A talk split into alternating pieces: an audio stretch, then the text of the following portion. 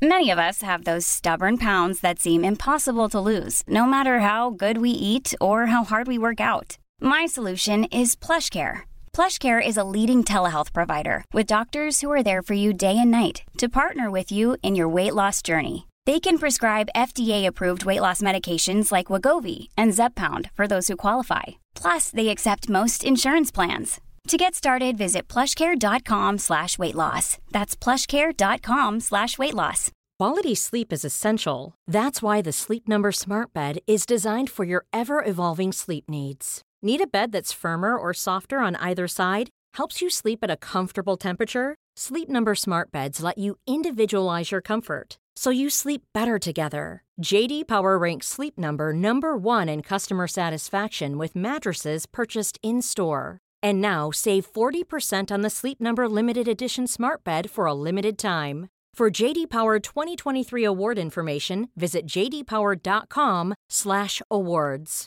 Only at Sleep Number stores or sleepnumber.com. Many of us have those stubborn pounds that seem impossible to lose, no matter how good we eat or how hard we work out. My solution is PlushCare. PlushCare is a leading telehealth provider with doctors who are there for you day and night to partner with you in your weight loss journey. They can prescribe FDA-approved weight loss medications like Wagovi and Zepbound for those who qualify. Plus, they accept most insurance plans. To get started, visit plushcare.com slash weight loss. That's plushcare.com slash weight loss.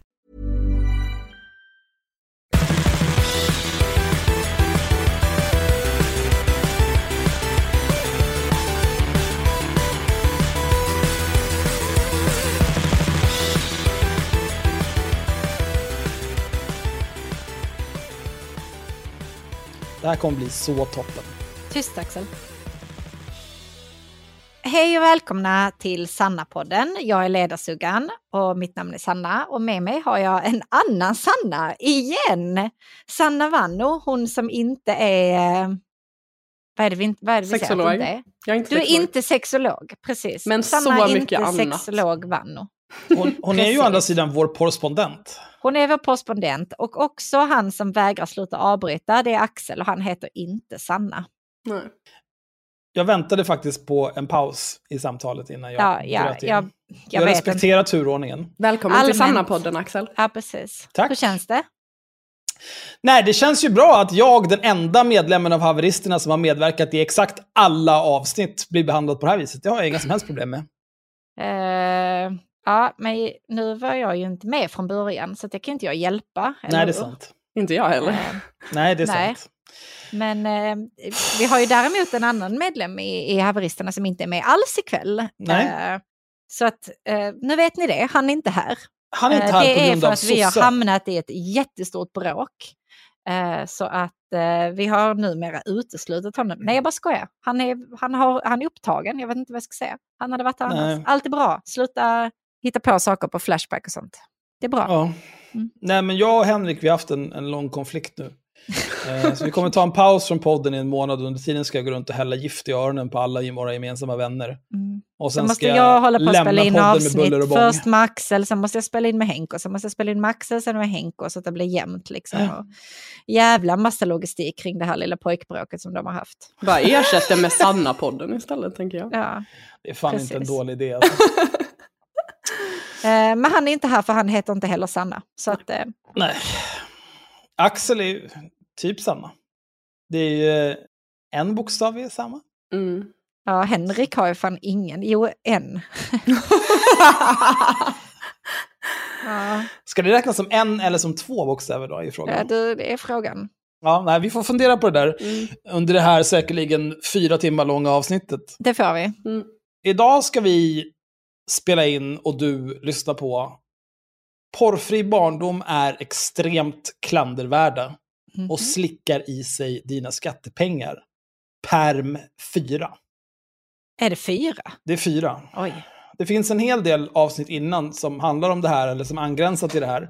Det finns, en länk i avsnitts, eller det finns länkar i avsnittsbeskrivningen som vanligt till allt det.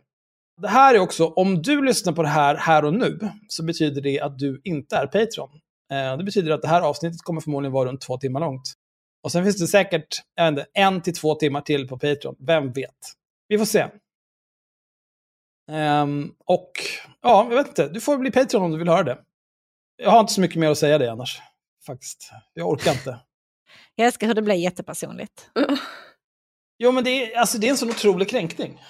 Det är också för att det har ju hänt en sak idag som också har att göra med liksom, den här typen av skamlöst jävla litkande.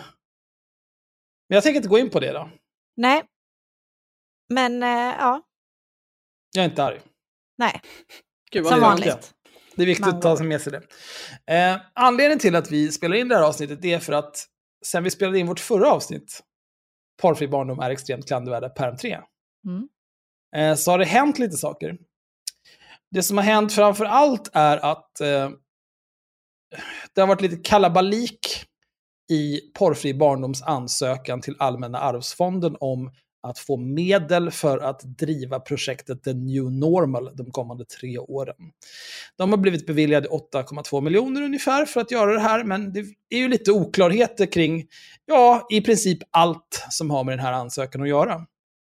Och jag och Sanna Vanno och lite annat löst folk, icke att förglömma, vi har suttit med de här bilagorna. Jag tror senaste bilagan till den här ansökan, den är uppe i 41 nu tror jag.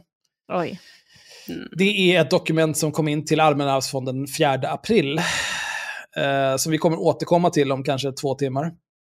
Men varför fortsätter det tillkomma dokument till en ansökan som redan har blivit beviljad? Vet du vad? Det skulle kunna vara så. fråga. Tack Sanna! Tack. Alltså det skulle kunna vara så. Att den här ansökan inte var jättebra till att börja med. Nej. Det Jag skulle också kommer ihåg. kunna... Ja, Mm. då kan man tänka sig att så här, då är det, finns det ju en handläggare där på Allmänna arvsfonden som tar itu med det här och säger så här, vet ni vad? Ni måste komplettera de här olika sakerna. Och så har också skett. när det är så här, nu sitter här massa personer, eh, obehagliga personer och skriver till mig och frågar om er ansökan. Så skulle ni liksom kunna fixa det här för att eh, det börjar bli lite svettigt för mig. Mm. Så tänkte Det är jag. faktiskt värre. Mycket, mycket värre än så. Ja. Det börjar så. Men sen blir det sämre. Perfekt. Ehm, så ja, jag och Sanna, vi har suttit här eh, och eh, kokat och gått igenom bilagor och strukturerat upp och indexerat och betett oss. Jag har också Färg, skickat färgmarkeringar. mums, Ja, så många himla gött. Excel-blad. Gud vad vi njutit. Det finns också en, en mejlkonversation som kommer vara merparten av det här avsnittet tror jag, där vi går igenom allt det här i samtal med Allmänna arvsfonden. Och som spoiler kan jag säga att vi först går igenom det med handläggaren. Som jag, eh, jag, eftersom jag inte är Cissi Wallin så tänker jag inte säga vad hon heter. Nej. Och sen också med den här handläggarens chef. Ehm, och sen är även handläggarens chefs chef CC'ad på de senaste mejlen eftersom jag, så fort jag stöter på minsta motstånd, då ber jag om att få prata med en chef. Bra. Eh, Jag har faktiskt bett om att få prata med chefens chefs chef.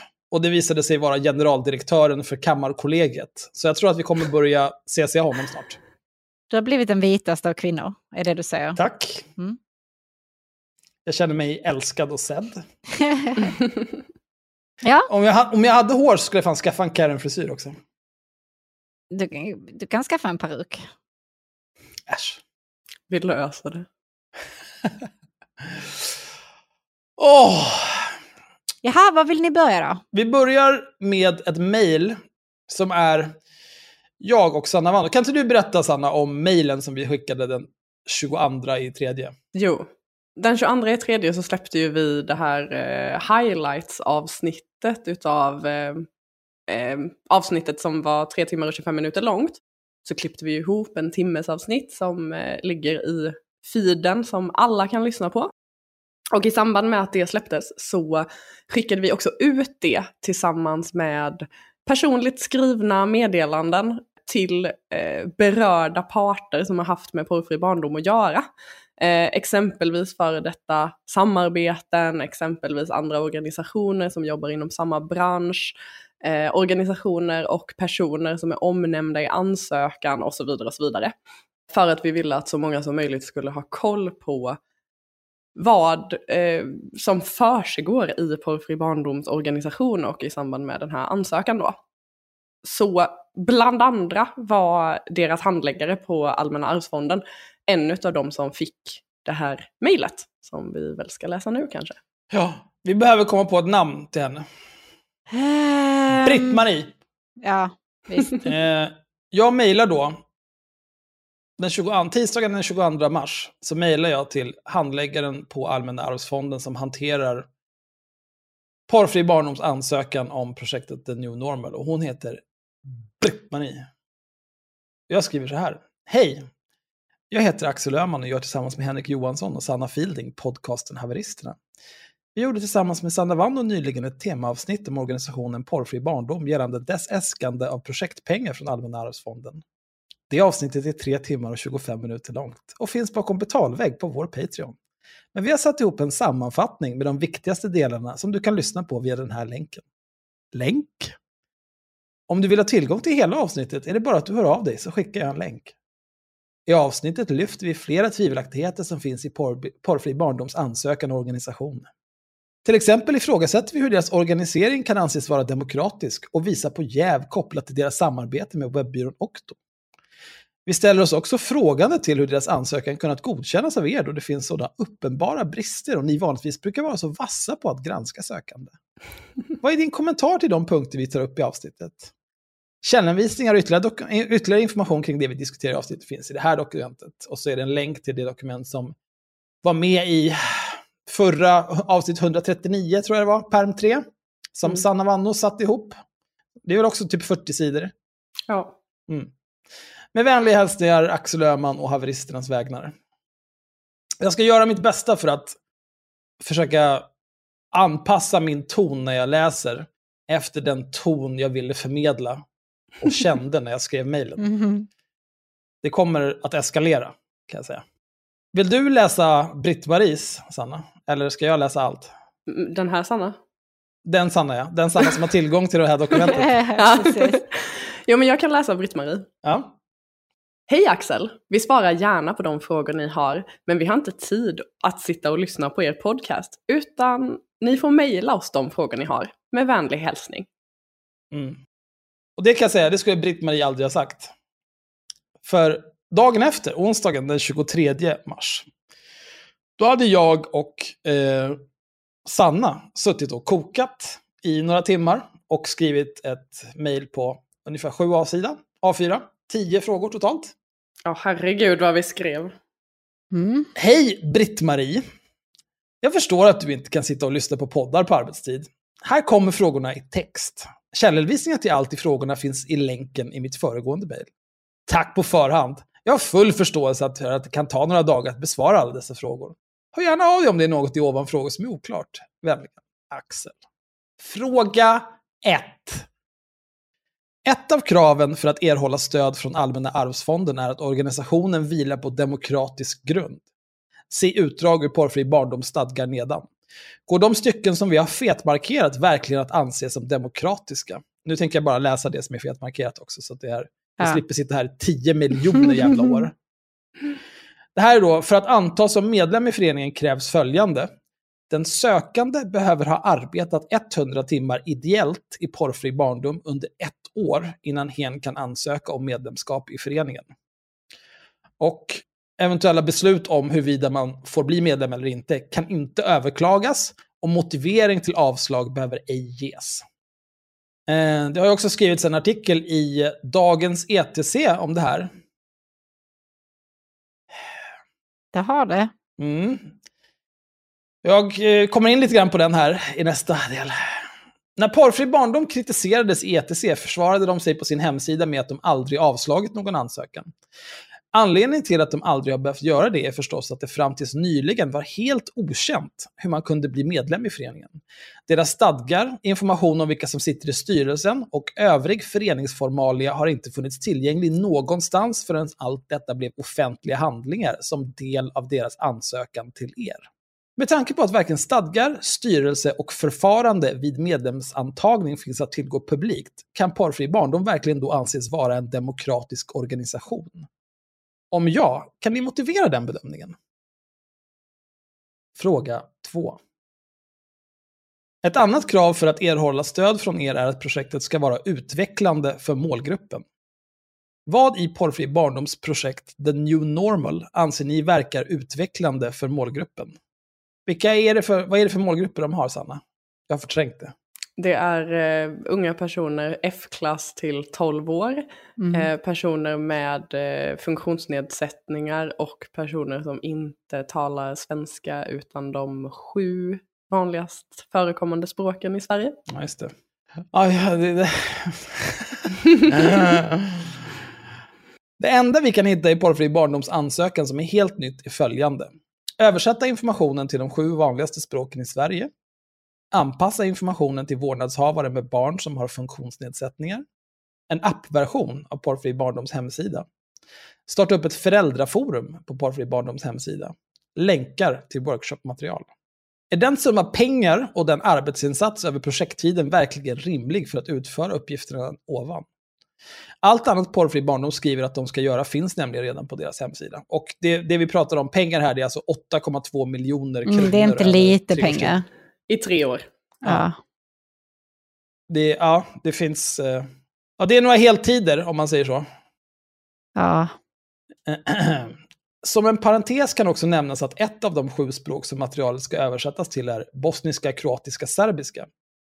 Dessa är mig veterligen tre olika språk, även om de likt svenska, norska och danska har stora likheter. Rimligtvis borde de dock hanteras separat i ett seriöst översättningsprojekt. Dessutom står det olika antal språk som materialet ska översättas till i ansökan respektive budgeten. I ansökan står det sju språk, i budgeten står det sex språk. Det rätta antalet, förutsatt att bosniska, kroatiska och serbiska hanteras separat, är nio språk. Ambitionen med översättningen är att materialet ska finnas på de sex eller sju språk, beroende på vad man läser. Vanligaste språken i Sverige eller efter svenska. Men där har vi polska på plats nummer sex. Detta är inte ett språk som inkluderas i projektet. Istället verkar engelska ha tagit polskans plats, trots att engelska återfinns först på plats 12. På frågan om vad som är utvecklande för målgruppen skriver Porrfri barndom. Det är utvecklande för vårdnadshavare då de får lära sig om problemet med nätporrens tillgänglighet för barn och hur de ska hantera problemet. Barnen får lära sig hur de kan hantera nätporrens tillgänglighet, förstå vad nätporr är, hur de ska förhålla sig till den och så vidare. Och med hjälp av porrfilter förhoppningsvis slippa se den. Alltså jag älskar att de får en fråga som är rakt på. Vad är utvecklande för målgruppen? Och deras svar är, ah, för de här andra som inte är målgruppen är detta utvecklande. Mm, Ja, alltså det är ett sånt skevt svar. det är inte snyggt svarat. Nej, Nej. det är inte bra. Det är verkligen att eh, prata runt Ja. problemet skulle jag säga. Detta är inget som behövs. Enligt tillgänglig forskning, till exempel Barnombudsmannens forskningssammanställning kring porr, vet barn och unga mycket väl hur de bör och vill förhålla sig till porr. I samma rapport får Porrfri barndom kritik för sina metoder, då dessa saknar stöd i forskningen. När Porrfri barndom ombeds förklara varför detta utvecklingsarbete behövs skriver de följande. Min fetmarkering.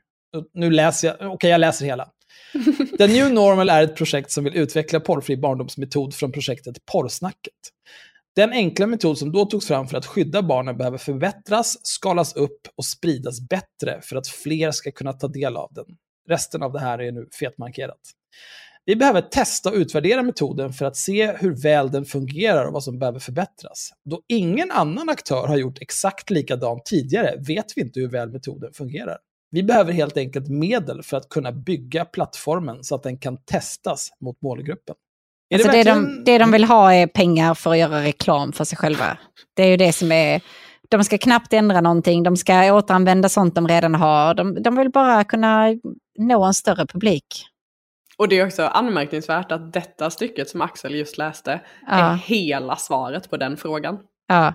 Ja. Det är verkligen snacka runt bara. De ger inte svar på bajs. någonting. Ja. Och alltså jag, alltså jag blir så arg över bara, då ingen annan aktör har gjort exakt likadant. Exakt Vet vi inte om likadant. det funkar. Och man bara, nej men herregud det finns väl andra grejer runt omkring som Mm. liksom vi kan titta på typ hur detta funkar, hur man borde förhålla sig. Alltså, pff, Ja. Ja, det, alltså hade jag suttit som handläggare och fått in den här ansökan hade jag ju liksom bara skrattat bort den och kastat. Jag vet inte riktigt varför de har tagit den här på allvar. Men det är typ mycket det som vi upplever också, vilket kommer komma fram mer och mer i frågorna tänker jag mig. För att alltså, det är så mycket brister så att hade det bara hade det bara varit hälften av dem hade en vettig handledare sagt nej, ni får nog ta tillbaka den här ansökan och snurra Precis. lite till på det här. Vi har som ett år när ni har rätt ut det här. Alltså det är helt vansinnigt. Ja. Så mycket som bara är så här, "Eh, vi skulle gärna vilja det, eh, ge oss lite pengar. Ja. Ja, men det är typ så deras ansökan är ju. Ja, exakt. Ja. Vi behöver helt enkelt medel för att kunna bygga vår hemsida. Behöver testa detta. Ja, själva frågan här på fråga två är då, är det verkligen rimligt att motivera ett projekts existens med att ingen testat metoden tidigare och att enda sättet att få veta om den föreslagna metoden är verksam är att testa den? Jag vet inte om jag, jag hade inte kastat 8 miljoner på det faktiskt. Nej, Eh, det känns som, fan reda ut det där först. Ja, jag orkar, jag blir så jävla arg. Fråga Eller tre. så ska man ju kunna hänvisa till liksom befintlig forskning som visar typ i andra länder att en app i den här eh, utformningen funkar på det här sättet när man gör så här och därför borde vi utveckla det även här i Sverige, bla bla bla. Och då om det hade funkat i något annat land, då hade man kunnat ta med någon person som var inblandad i det i sin advisory Ja. board och Mm. Och att få hjälp tips bara och råd. dra ur röven att så här, ah, men vi vill prova det här. Och inte ha något underbyggt. Ja. Alltså, mm. Hej. Allmänna arvsfonden, jag skulle vilja prova att vara ekonomiskt oberoende. Kan jag få 20 miljoner tack? Är det utvecklande för dig Axel? Det är otroligt ut... Nej, Ja. jag kommer sitta hemma och spela WoW hela dagarna. Så Ja, men blir du en bättre WoW-spelare då? Ja, ja okej. Det kommer vara utvecklande för WoW kanske. Jag kommer Mm. bli en bättre WoW-spelare. Jag kommer framförallt bli en bättre människa eftersom jag inte kommer ha några som helst krav på mig. Se Ja. till att eh, ansökan hamnar hos Britt-Marie bara. Mm. Britt-Marie. Mm. Fråga 3.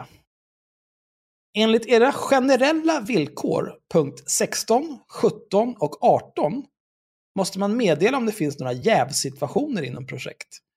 Har ni vetskap om att Emanuel Lantz, ordförande för Porrfri barndom, även är managing partner och styrelseledamot på webbyrån Okto, som enligt ansökan är den webbyrå Porrfri barndom ämnar anlita för plattformsutveckling?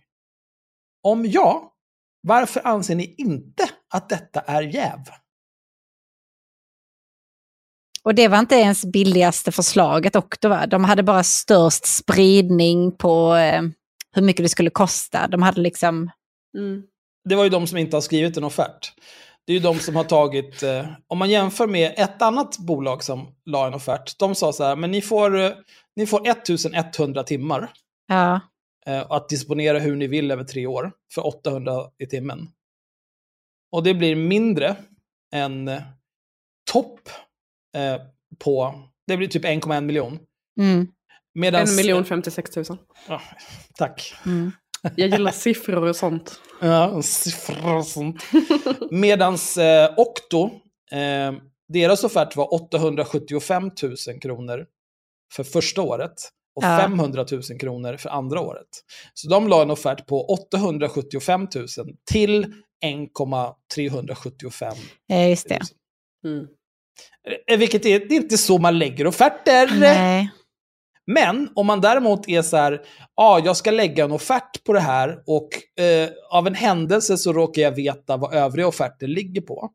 Mm. Så att jag lägger en hittepå-offert där, där jag lägger ett spann där den lägsta summan är lägre än den näst lägsta offerten, medan den högsta summan är högre än den högsta offerten i nuläget. Vad tokigt! Men det är ju jättekonstigt. Hur skulle han få reda på vad alla offerterna låg på? Åh, just Korrupt! det! Korrupt! Han Men det är ju också så himla lurigt att de har gjort så då och delat upp det på de olika åren för att de, an, de andra offerterna då, till exempel den du nämnde nyligen Axel, Ja. den har ju liksom sagt att över tre år kommer den sammanlagda summan bli så här. Och Ja. per år är det så här många timmar vi ämnar an, använda. Ja, Ja. det var ju typ... ett- Medan de bara så här, mm, här är en siffra och här är en siffra. Ja. Vill Den ni andra ha dem byrån- eller? Den andra byrån hade med ett räkneexempel som var typ, av 1100 timmar så var det 600 timmar första året, 300 andra och 200 tredje året. Vilket är helt rimligt. Mm. Eh, och det, ja, jag vet inte vad man ska säga. Alltså det, dels det är så jävla pajigt att göra en offert som är så här, ah, men det, det diffar på en halv miljon. För att det, det kostar en halv miljon andra året. Då diffar det inte på en halv miljon. Då är ju kostnaden 1,375. Det är liksom, håll inte på. Nej. Eh, och sen också den här, ja, vi, vi kommer komma tillbaka till den här jävsituationen. För den är, Om, om vi det är, nog kommer. fan, det, är, det är nog det som gör mig mest jävla rasande i allt det här. Alltså. Mm. Fråga fyra.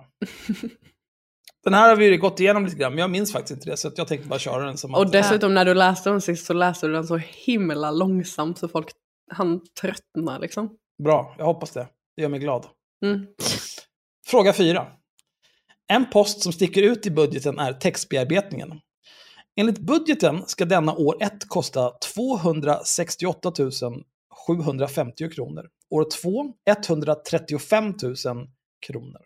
År 3 178 750 kronor. Leverantör av detta är Tove Norström AB som fakturerar 1000 kronor per timme plus moms. Vi tar en titt på hur mycket denna person förväntas producera under det första året, som då kommer att kosta projektet totalt 268 750 kronor. Enligt offerten som Porrfri Barndom har accepterat, parentes, bilaga 10, slutparentes, kostar textbearbetningen 1000 kronor per timme plus moms. Totalt förväntas textbearbetningen ta 215 timmar år 1. I början av år 2 påbörjas arbetet med att översätta materialet. Enligt Porrfri Barndoms budget beräknar de att det kommer ta 280 timmar att översätta till sju språk. Det vill säga 40 timmar per språk som materialet ska översättas till. Mm. Och då bara för att ta en liten, för det finns folk som är tröga här nu. Den här personen ska alltså ta fram material. Få över en kvarts miljon för att ta fram textmaterial. Ja. Sen ska det översättas till sju språk. Totalt kommer en översättning ta 40 timmar. Det är de saker som är viktiga att komma ihåg här. Det tar 215 timmar att ta fram materialet, 40 timmar att översätta det. Som nämnt står det att materialet ska översättas till sex språk i budgeten. Detta skulle ge en beräknad tidsåtgång på strax över 46 timmar per språk- per språk. Man får dock anta att det i själva verket handlar om sju språk, så som det står i ansökan, där även en felaktig lista på de sju största språken i Sverige efter svenska räknas upp. Jag älskar att vara så här småaktig och äcklig. älskar verkligen det. 40 timmar per språk känns som ett rimligare estimat. Enligt offert i bilaga 13 hinner en översättare med 250 till 300 ord per timme beroende på språklig komplexitet. Det betyder att källmaterialet som ska översättas enligt porrfri barndom själva ligger på 10 000 till 12 000 ord. Och detta är ju då baserat på att det ska ta 40 timmar att översätta allting. Ja. Ja, precis. Så de har sagt, de har gått till en översättningsfirma och sagt, hej, vi vill översätta text till de här språken. Hur lång tid tar det? Vad kostar det? Och då har de på översättningsfirman sagt så här, okej, men hur mycket text är det som ska översättas? Ja, det är ungefär så här mycket text. Och så var det inte mer med det. Nej.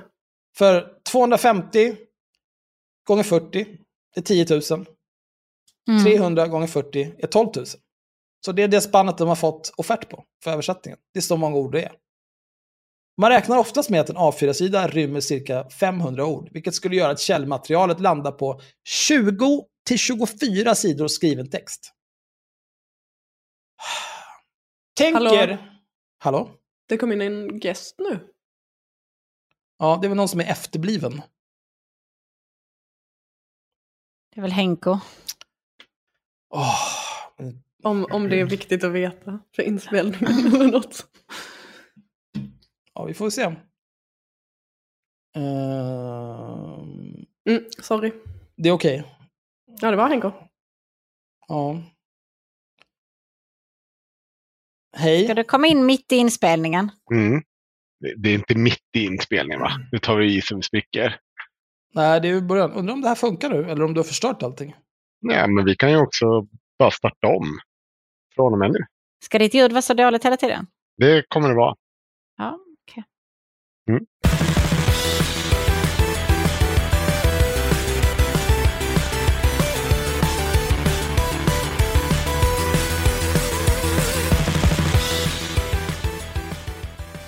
Ja, nu är Henrik ah. här igen och nu pratar vi inte mer om det. Nej, Utan Henrik fortsatt... har lite dåligt nej, ljud. Nej, nej, det är ingen som bryr sig. nej, okej. Okay. Henrik sitter i Vadstena. Vadstena. På ett kloster. Är det ett sosseägt kloster? Nej, inte ens det. inte ens Han har bara försökt lämna sina syndande tider bakom sig. Så nu har han gått med i munkeriet. här. Ja, vad det är inte mer med det. Mm. Eh, vi är inne, vi håller på att gå igenom frågorna som vi har ställt till Porrfri barndom. Herregud okej. alltså. Mm. Vad är det här för skit? Vi har precis konstaterat att... va? Hallå? Vi har Ja, konstaterat... Vi sa hej till varandra. Herregud! Mm. Mm. Du är bara avundsjuk för att inte du får all den här uppmärksamheten. Som Henrik fick nu.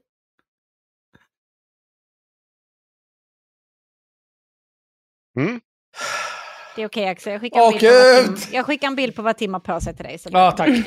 Som vi precis konstaterade så är det så, enligt Porrfri barndom själva, att den här personen som ska hålla på med den här textbearbetningen kommer att producera 10 000 till 12 000 ord totalt.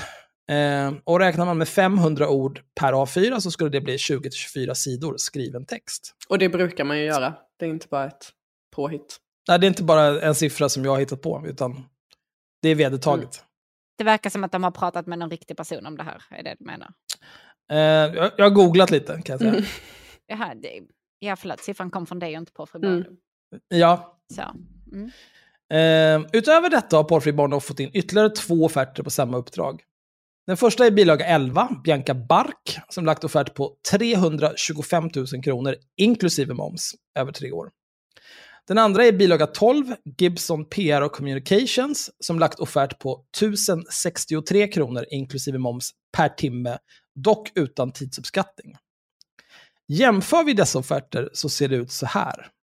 Tove Nordström AB, 582 500 kronor, inklusive moms, över tre år. Detta är den accepterade offerten. Bianca Bark, 325 000 kronor, inklusive moms, över tre år. Gibson PR och Communications, 495 358 kronor, inklusive moms. Och det är då baserat på samma antal timmar som i den accepterade offerten.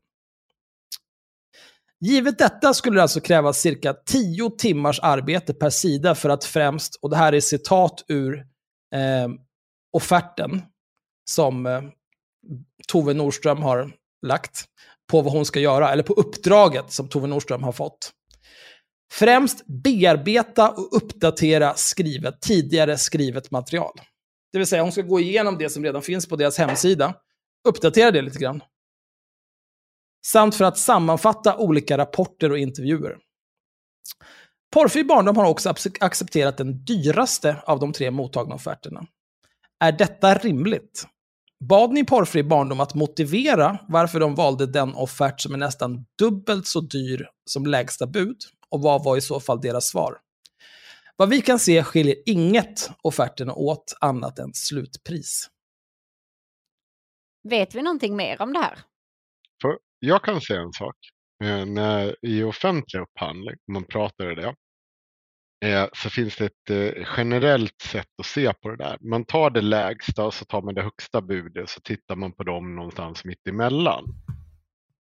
Så, så norm, alltså det behöver inte vara så att det lägsta budet är en referenspunkt här. Jag tycker att det är viktigt för källkritiken att säga. Men det är ju såklart inte heller att det högsta budet är en referenspunkt som man behöver ha att göra med. Men vad baserar man på då? För att enligt vad vi kan se i offerterna så har ju de skickat samma liksom, krav till alla de här personerna. Och alla har skrivit exakt samma på vad de ska göra i uppdraget. Mm, Men, men du, du får ju tänka på också vad eh, du tar. Alltså så här, det, det finns ju en tanke om att om du ska vara någon typ av etiskt företag så tar ju inte du bara det billigaste där folk jobbar för slavlön. Alltså det, det måste du lägga med i, i hela Men, den... men är det verkligen relevant här när en person förväntas arbeta tio timmar för att producera en sida text? Sen så kanske de inte ens har begärt offert från slavdrivare. Nej, nej, nej, nej, men eh, än en gång. Så här, jag bara säger det för källkritik. Det behöver inte betyda, för att än en gång, det, de har ju valt det högsta priset här. Mm. Jag säger inte att det betyder, men, jag säger bara att normalt sett så brukar man landa någonstans i, i mittemellan vid offentliga upphandlingar. Mm. Alltså man tittar på det mittemellan för att man får alltid de här skambuden, man får alltid de här alltså, som ligger i två änden av spektrumet. Mm. Och så tittar man på dem, man sorterar bort dem ganska tidigt. Om det inte är någonting väldigt, väldigt specifikt. Eh, Men, men det, här, alltså, det handlar inte om några skambud här heller. För om du tar lägsta budet Mm. så är det ungefär sex timmars arbete per producerad sida text. Och då är det alltså att bearbeta och uppdatera tidigare skrivet material samt för att sammanfatta olika rapporter och intervjuer. Mm, ja, ja, men ju- det, om, om timmarna går ner, om vi säger att vi räknar på att de har räknat på ett an, eh, eh, inte samma antal timmar, om man säger så att pengarna blir mindre per timme. Har de diskuterat någonting annat? Vi kan lösa det här på hälften av timmarna för samma pris. Mm. Då får man ju diskutera varför har man valt det dyra alternativet som tar dubbelt så många timmar och dubbelt så mycket kostnad. Mm. Mm. Ja, visst. Mm. Men de ju det kostar ju också här. mer per timme. Alltså den de valde kostade mer per timme. Och det sammanlagda priset. Men hörni, än en gång, jag säger så här bara, jag bara lägger in brasklappen, ingenting mer än så. Ta inte det för att det var exakt si och så det gick till. Jag bara lägger till det för att den typen av kritik måste man ha med sig för att andra kommer komma med den kritiken mot den här granskningen eller oss när vi säger det rakt ut. Det är Men toppen känns det inte som att det hade varit en bra grej att typ ha med i ansökan, en motivation till varför du har valt vilken offert? Mm. Och våran fråga Ja. till eh, Arvsfonden är ju också, har ni bett Porrfri barndom motivera varför de valde den här offerten? Vi har inte sagt så här, Ja. Tove Nordström borde inte anlitats. Nej, Eh, utan vi har bara sagt nej, så här, hur helt- är motiverar helt ni? Riktigt. Ja, helt riktigt. Jättebra inspel. Fråga 5. Mm. Projekt som erhåller stöd från er ska rikta sig till barn, unga eller personer med funktionsnedsättning oavsett ålder. Porrfri barndoms ansökan lägger i princip bara fokus på vad vårdnadshavare ska få, vad vårdnadshavare efterfrågar och hur projektet ska nå vårdnadshavare. I ett av mejlen som skickats mellan er och Porrfri barndom den 3.11.2021 ifrågasatte ni om det verkligen är för barn och fick svaret vi har en referensgrupp med barn och kommer att prata med dem då vi utvecklar plattformen och dess innehåll. För att förstå hur de helst tar till sig information. Parentes. Vi kommer att ta fram filmer, bilder, bildspel som föräldrar kan visa barnen när de pratar om ämnet. Slutparentes. Alltså, jag vill inte vara den som är den, men med tanke på vad Porrfri barndom nu senast höll på med så tycker inte jag att de ska visa några filmer eller bilder för barn. Jag tycker att de kan ge sig där och sluta med det. Det är nog ingen bra idé nu. Mm. Vi kan, vi kan ta ställa frågor om sånt som om du skulle prata med vuxna om kärlek, sex eller svåra ämnen, vad hade du behövt? Och liknande formuleringar. Vidare kan vi fråga om barnen sett saker på internet som de inte ville, eller som inte kändes bra i magen, och vad som skulle krävas för att de skulle våga ta upp det med en vuxen. Ett annat sätt som vi kan inkludera barn på är genom att visa dem åldersanpassat material från andra aktörer för att se vad de föredrar. Något vi sedan kan ta med oss när vi ska utforma eget material. När materialet börjar bli klart vill vi förstås också visa det för barnen i en fokusgrupp.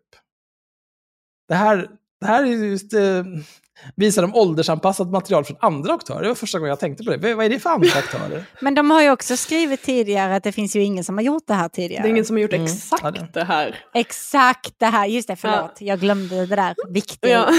Ja, det är fan inte lätt Ja, alltså. men jag tycker också det är så himla, vi kommer ju till det, men i den här referensgruppen så ska det ingå tio barn. Och, Det är en bra referensgrupp. och Wow. liksom jag tänker lite det här med så här, ja men eh, vidare kan vi fråga barnen om de har sett saker de inte ville, hur det kändes i magen och så vidare. Alltså det finns ju till exempel Ungar och medier som Statens medieråd, eh, där liksom de frågar så här typ 3-4 tusen barn ifall de har sett saker på internet de inte ville och vad det i så fall var och så vidare. Så det är liksom bara så konstigt att de ska sitta med tio barn som med största sannolikhet kommer vara barn till föräldrarna som är med i föräldrarfokusgruppen. Och fråga, har ni sett något på internet? Vad blir det för liksom underlag? Alltså också med tanke på hur de bygger sin styrelse och sånt så finns det ju en stor risk för att fokusgruppen kommer att bestå av deras egna barn. 100 procent. Ehm, så att det känner jag är inte jättebra. Sådana stackars barn. I ansökan finns information om att Porrfri barndom har en referensgrupp bestående av tio barn som de kan ställa åldersanpassade frågor till om internetvanor och digitala verktyg. Att man frågar tio barn hur mycket de använder digitala redskap gör inte att projektet riktas mot barn. Det är fortfarande ett projekt för vuxna som tar fram en plattform för vuxna. Hur kan detta vara nog motivering för att projektet är för barn och unga? I beskrivningen av projektets mål i ansökan lyfter Porrfri barndom sina tre metoder. Porrkritiska samtal, installation av tekniska lösningar och kroka arm som tre steg. Jag hade glömt bort kroka arm. Alltså det är så roligt. Ja, jag hade glömt det. Ja, just det. Okej. Alla dessa riktar sig primärt mot vuxna. De mätbara målen som lyfts är vid projektets slut ska 300 000 vårdnadshavare och vuxna som arbetar med barn ha använt plattformen. Eh, Det är ett extremt konstigt mål. Mm. Vad, vad, hur definierar ni liksom använt plattformen? Vad betyder det? Varit inne på sidan, laddat ner något av det här materialet ni ska ta fram? Det är Men hör du inte Ska- att detta ska de- är ju ett mätbart mål? Det är absolut inte ett mätbart mål.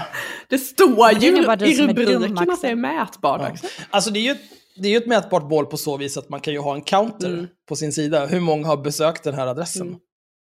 Vid projektets slut ska en miljon personer ha nåtts av information om att plattformen finns. Det här är inte ett mätbart mål. Nej. Nej, precis som alla de andra. Nej. Vid projektets slut ska vi kunna se en märkbar ökning av antal barn i Sverige som fått ta del av porrkritiska samtal med en vårdnadshavare eller annan nära vuxen. Det här är inte heller ett mätbart mål eftersom märkbar ökning inte är definierat.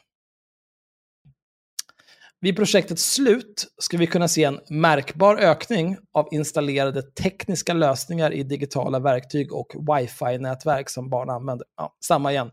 Märkbar ökning är inte definierat. Alltså du har ju uppenbarligen inte läst så mycket matematik och så på högskolenivå. Men märkbart är ju uppenbarligen alltså ett SI-mått på någonting. Ja, Det är inga, inga, det är, det är inga konstigheter. det är inga konstigheter. Det är superdefinierat. Ja, vet du, jag kan säga, eh, jag, precis, jag började en ny kurs igår. Mm. Och nu, nu ska jag läsa kravanalys i fem veckor. Ja, Så nu kommer det bli en hel del, nu kommer det bli en hel del lingo, kan jag säga. Ja, jag har dock en fråga här, Mm. än en gång. Ehm, det här är ju ett... ehm, nu är, det- här är ju någonting som är satt mot Allmänna arv- arvsfonden, eller hur? Mm.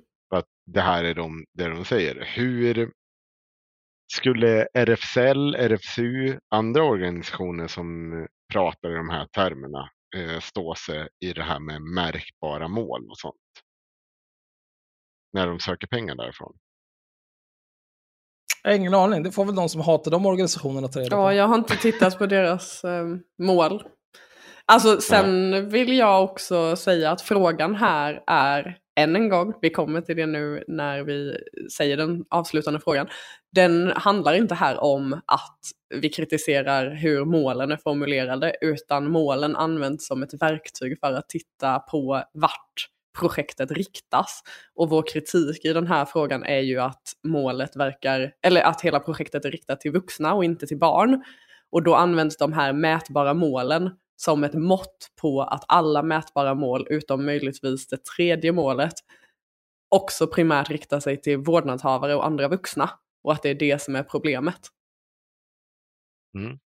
Så liksom så här, exakt hur det mäts och eh, liksom, alltså så här, så länge de tycker att de kan mäta det så är väl det deras grej. Men, men vi tycker att de är felriktade. För sätter man mål som bara riktas mot vuxna så blir det kanske svårt att nå barn. Vilket vi kommer fråga i frågan. Ja.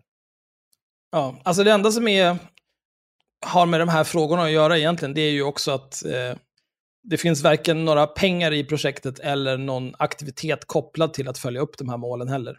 Utan det här är bara mål som finns. Men frågan till Arvsfonden gällande allt det här är, hur kommer det följas upp att projektet verkligen når barn och unga när i princip alla mål riktas mot vuxna? Fråga 6. Vi noterar också att inga av de beskrivna resultatmålen kopplar an till det som ska vara nytt med projektet. Det vill säga att det ska rikta sig mot personer som talar andra språk än svenska och personer med funktionsnedsättningar. Då det är det enda som inte redan finns i Porrfri Barndoms befintliga verksamhet finner vi det underligt att de inte lyfter något sätt att mäta framgångarna på området. Har ni begärt komplettering gällande detta från Porrfri Barndom? Om inte, hur anser ni att de når upp till kravet om att det ska vara utvecklande för den delen av målgruppen? Bra frågor. Fråga 7. Porrfri barndom propagerar för det de numera kallar digitala barnskydd. Dessa är mer kända som porrfilter eller innehållsfilter. I en systematisk metodinvention som Mm. publicerades i somras kunde Barnombudsmannen slå fast att användning av dylika filter kan vara brott mot barnkonventionen, som numera är lag i Sverige. Det spelar ingen roll vad man väljer att kalla dem, de funkar inte. Ett av problemen är överfiltrering, vilket innebär att filtret tar bort material som det borde släppa igenom. I ett mejl från den 3.11.2021 skriver Porrfri barndom till er. De digitala barnskydd som vi vill hjälpa föräldrar att aktivera är Google Safe Search och Apples egna produkter. Dessa filtrerar inte bort hbtqi-information eller sexualupplysningssajter. Vi har testat att aktivera de filter som Porrfri barndom tipsar om, det vill säga Apples begränsa vuxet innehåll-funktion i kombination med Google Safe Search. Filtret blockerade en stor mängd ord som kan vara bra att kunna söka på, till exempel RFSU, som är just en sexualupplysningssajt. Eh, och sen är det en länk till en mapp där det finns en massa inspelade test av hur eh, en massa saker blir blockade.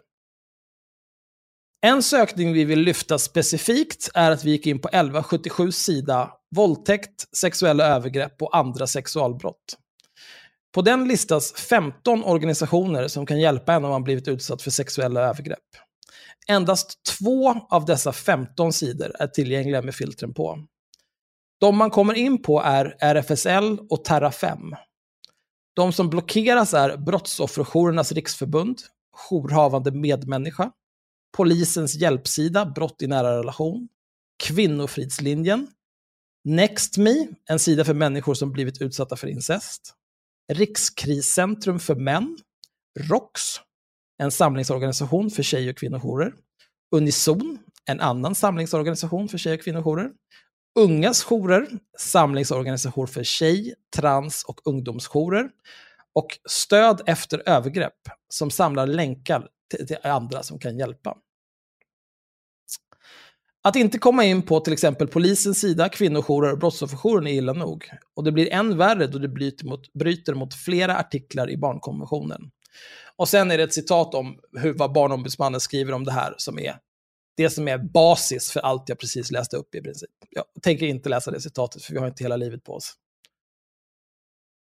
Hur ställer ni er till att ha beviljat projektpengar till Porrfri barndom? En organisation som uppmuntrar till att använda metoder som är i strid med svensk lagstiftning. Och som dessutom inte ens fungerar så som Porrfri barndom säger att de gör. Fråga 8. I bilagorna från Porrfri barndom har de skickat med sitt styrelsemötesprotokoll från 2020. Ansökan kom in till er i augusti 2021 och enligt Porrfri barndom stadgar ska organisationen ha styrelsemöte årligen innan utgången av mars. Har ni frågat om deras senaste årsmötesprotokoll, det vill säga från 2021? Om inte, varför? Fråga 9. Det finns inget. Va? Det var hårda ord. Det är därför står för dig. Fråga 9. I den första budgeten som skickades in, vad vi förstår i augusti 2021, var tjänsterna i projektet tänkta att bestå av en projektledare på 100% och en kommunikatör på 100%. I ett kompletterande mejl som skickades in 3.11.2021 var rollerna ändrade till en projektledare på 100%, en kommunikatör på 50% och en metodutvecklare på 50%. Vad vi kunnat hitta i det vi fått tillgång till finns ingen förklaring till den här förändringen. Vad vet ni om den? Vidare undrar vi hur ni ser på att projektet först tänkte att de behövde kommunikation 40 timmar i veckan i tre år och sen plötsligt klarade sig på 20 timmar kommunikation i veckan utan att, vad vi kan se, ha ändrat alls, varken i projektplanen eller i övriga budgetposter. Fråga 10. En fråga, jag, jag kommer ställa en, en kritisk fråga. Är det verkligen så önskvärt att eh, det, den typen av wiggle room inte ska finnas i projektbeskrivningar eh, eller projekt som du får betalt från Allmänna arvsfonden. This Mother's Day, celebrate the extraordinary women in your life with a heartfelt gift from Blue Nile. Whether it's for your mom, a mother figure, or yourself as a mom, find that perfect piece to express your love and appreciation. Explore Blue Nile's exquisite pearls and mesmerizing gemstones that she's sure to love. Enjoy fast shipping options like guaranteed free shipping and returns. Make this Mother's Day unforgettable with a piece from Blue Nile. Right now, get up to 50% off at BlueNile.com. That's BlueNile.com. Even when we're on a budget, we still deserve nice things. Quince is a place to scoop up stunning high end goods for 50 to 80% less than similar brands. They have buttery soft cashmere sweaters starting at $50, luxurious Italian leather bags, and so much more. Plus, Quince only works with factories that use safe, ethical, and responsible manufacturing. Get the high-end goods you'll love without the high price tag with Quince. Go to quince.com/style for free shipping and 365-day returns. Överhuvudtaget, eller är det Absolut Nej, men, inte. Men det handlar ju om så här. Om du har eh, du säger så här, jag behöver den här personen i tre år på heltid. Mm. Och sen helt plötsligt så behöver du den bara på halvtid. Men du behöver en annan tjänst på halvtid helt plötsligt. Då tycker jag att det är rimligt att man här, kan skriva tre rader om Nej, men vi kom på att det är så här och därför så kan vi minska den här tjänsten och vi behöver också ta in den här tjänsten. Så inte med med det. Fråga 10. Projektpengar ska användas till projektaktiviteter anses det vara en projektaktivitet att bygga om den hemsida Porrfri barndom redan har. Metoderna som utgör projektet är dessutom exakt samma som redan finns på Porrfri barndoms hemsida, det vill säga porrkritiska samtal, tekniska lösningar och kroka arm. Även här anser vi att det finns skäl att ifrågasätta huruvida projektet faktiskt uppfyller kravet för att verka utvecklande för målgruppen. Hur ser ni på detta? Det var de tio frågor men, men det, sista, och det sista igen då. Eh, kan inte en, en ny typ av utveckling komma senare? Eh, måste det vara... Man, man kan ju komma på det efter vägen om man tar höjd för det. Nej. Aha. Alltså du, du kan ju inte äska pengar för att så här, jag vill göra precis, om du ska vara liksom en nyskapande, utvecklande verksamhet, då kan du inte äska pengar för att göra exakt samma sak som du gjort tidigare. Och sen så under de tre år du håller på att kasta 8 miljoner i sjön så kanske du kommer på hur du ska göra någonting nytt. Du får ju så att komma du får på inte någonting ha nytt. någon metodutveckling under de här tre åren. Jo, Jo, de har ju det- metodutveckling på halvtid. Men Ja. och man får ju liksom göra vissa förändringar inom projektet tänker jag mig. Att man så här liksom inser att ja, men det här funkar inte riktigt för att det blev corona. Eller det här efterfrågas av målgruppen. Eller det här behövs inte utav målgruppen. Då kan man ju säga till Arvsfonden att så här, hej vi har sökt X pengar för att göra X jobb. Men det har vi insett inte behövs. Är det okej om vi använder de pengarna till att göra detta istället? Till exempel. Är det ett krav från Allmänna arvsfonden? Ja, pengar måste användas till det de har budgeterats till och godkänts av Arvsfonden. Och ska man göra budgetförändringar så måste man ta det med sin handläggare. Okej. Det står Mm. i de generella villkoren. Ja, och här, frågan är ju alltså här. Eh, även här anser vi att det finns skäl att ifrågasätta huruvida projektet faktiskt uppfyller kravet för att verka utvecklande för målgruppen. Och det är då baserat på att det är samma sak. Det är porrkritiska samtal, tekniska lösningar, kroka arm. Och liksom att de ska ha 8 miljoner för att göra om sin hemsida då, när det är i princip allt annat är samma sak. Det är det som är det orimliga. Men jag läser Britt-Maries svar. På de här, på de här tio frågorna då. Hej Axel! Vi vill börja med att säga att vi är en myndighet som inte diskuterar våra bedömningar i enskilda ärenden i detalj med tredje part. Vi, får se, vi ser att ni på flera ställen frågar hur Arvsfonden arbetar, till exempel fråga 2, 4, 5, 6 och 10. Ni får gärna läsa på vår webb hur vi arbetar och bland annat bedömer utveckling, delaktighet och långsiktighet. Och som vi skriver... Det här är offentliga handlingar. Det här är inte... Så du kan inte bara göra den ensidiga bedömningen att det här... Nej, det är inte jag pratar om. Ja, Du, du, du tycker att det är suspekt, eller? jag tycker att det är helt... Vad är det här för svar? Det här är ju... Jag, jag tänker börja där. Ja, Alltså, jag har ställt kritiska frågor till er och det förtjänar ni för ni har sett och grupplunka alldeles för länge. Ni behöver några kritiska frågor till det här liksom momentet. Men det betyder inte att det kommer kritiska frågor till Allmänna arvsfonden och deras svar. Det, och eh, ditt svar, Sanna, på det jag ställer kritiska frågor är jättetoppen. Alltså, vad ska jag göra med det? det? Det är inte så mycket mer. Förlåt jag tappade bort nu. Vad... Ja, förlåt. Nej, men, Alltså, Hen Henrik missförstår här nu. Han trodde att jag var sarkastisk när jag pratade så ja nu är du kritisk. Bla bla, så här. Jag förstår varför Henrik sitter här och är en horunge. Det är för att han vill att den här, det här avsnittet ska vara så balanserat som möjligt. Och då vill han också täcka upp för eventuella kritiska frågor som kommer till vår. Så kommer någon pantad jävel i vår grupp och skriver "Hej, hej, baby." Men då har vi redan Ja. tagit upp det i det här avsnittet. Nej men det tycker jag är toppen också. det. Ja, nej, det är inget problem. Eh, men eh, jag, jag bara håller med här om att eh, Britt-Marie har lite av en ton i sitt svar. ja, jag håller med. Ehm, och som vi har skrivit ovan så delar vi inte med eh, mer detaljer om något projekt med tredje part. På vår webb eh, ser ni även vilka prioriterade områden som regeringen har gett oss i uppdrag att fördela medel till, fråga 5. När det gäller frågorna 1, 3, 8 och 9 så har en del kompletterats redan innan beslut och några saker har kompletterats under januari till mars 2022 då vi avvaktat föreningens årsmöte nu i början av mars. Bland annat avseende förändringar i föreningens stadgar. Om man vill följa ett projekt så får man gärna mejla vår infolåda och begära ut de handlingar man vill se som diarieförs vart, vart efter ett projekt löper på. En ideell organisations handlingar är inte offentliga handlingar och en organisation väljer själv hur de vill tillgängliggöra dessa. Det är ett krav att vi som bidragsgivare ska få ta del av dessa handlingar och det har vi också fått. Att handlingar inte finns att tillgå publikt är således inte en fråga som ligger till grund för den bedömning om demokratisk grund som Arvsfonden gör. Det här är då i, i referens till att det inte finns någon som helst information om hur man kan bli medlem i Porrfri barndom. Mm. Ja. Och Men- det är ju väldigt skevt att svara på att det är liksom att, att ni inte har tillgång till de här är inte grunden. Men det vi har liksom sagt är ju själva hela konceptet runt det. Att det inte finns någon tillgänglig information om hur man blir medlem och att det är så svårt att bli medlem.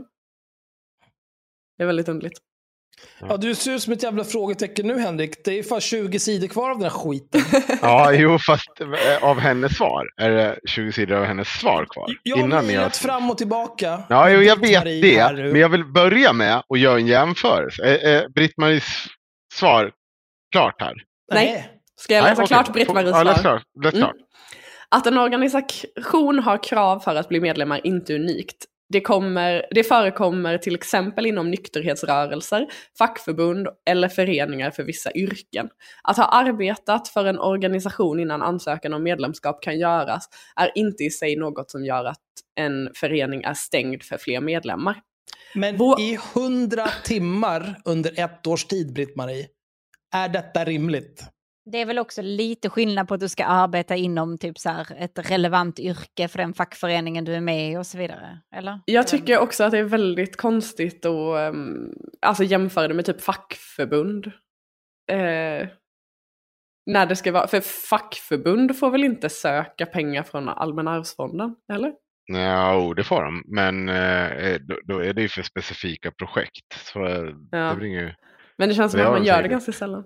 Ja. Jag, Det känns inte som den största målgruppen. nej, jag, jag, sä- alltså så här, det är, inte, det är inte avhängt det. De får göra det, de kan göra det om de Mm. har gjort det. Mm. Ja, who the fuck knows och who the fuck cares. Nej. Det kanske inte är den poängen. Klar! Ah, Nice! Vår ingång i detta utvecklingsprojekt som vi finansierar är att man i projektet ska ta fram digitala utbildningar och stöd för hur en som vårdnadshavare samtalar med små barn eller barn med funktionsvariation kring pornografins baksidor. Det vill säga våld, sexuella trakasserier etc. och hur man skyddar små barn från att se porr. Arvsfonden finansierar årligen uppåt 500 projekt. Projekten finns inom vitt skilda områden, har olika syften, målgrupper och mål. Arvsfonden har som vi inledde detta mejl med inte möjlighet att i detalj diskutera vidare vare sig organisationer eller projekt med intresserade parter. Med vänlig hälsning. Och här tycker jag, en sak som är väldigt intressant, är ju att hon har skrivit det här om att eh, eh, projektet ska ta fram digitala utbildningar. Och sen har hon skrivit eh, kring pornografins baksidor, det vill säga våld, sexuella trakasserier och sexuella trakasserier. Och i hela ansökan finns inte sexuella trakasserier nämnda någonstans. Um, och de ska heller inte ta fram några digitala utbildningar mig veteligen utan liksom metoder för att prata om porr. Och det är ju inte heller samma sak. Här, jag sitter på en... Jag, jag tänker resa på mig lite här nu och för ni som tittar på mig här. Ni ser att det här är någon typ av form av pall jag sitter på här. Mm. Jag vet inte var den här pallen kommer ifrån, men låt oss säga att den kommer från Ikea.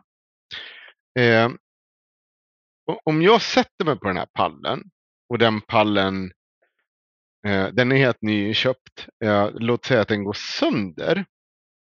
Och jag skriver till Ikea att eh, den här pallen, Mm. den, den- var inte vad den utlovade. Att då få till svar att. Jo, men det här är specifikationer på den här pallen. Och det här är de här sakerna på den här pallen som vi har sålt. Och det, okej, den har gått sönder till massa människor. Men, men den här pallen, vi har ju gett en bunt specifikationer så varför kommer du här och frågar om olika saker? Jo, jo, jo, för att den har gått sönder. Ja, fast vi har ju specifikationer på att Det är den inte inte så ska gå pallar funkar, Henrik. Nej. De går inte sönder, vet du. Nej, nej, nej. Och, och, det, men, är, har jag, är jag fel ut i min liknelse? Det blir som att hon bara...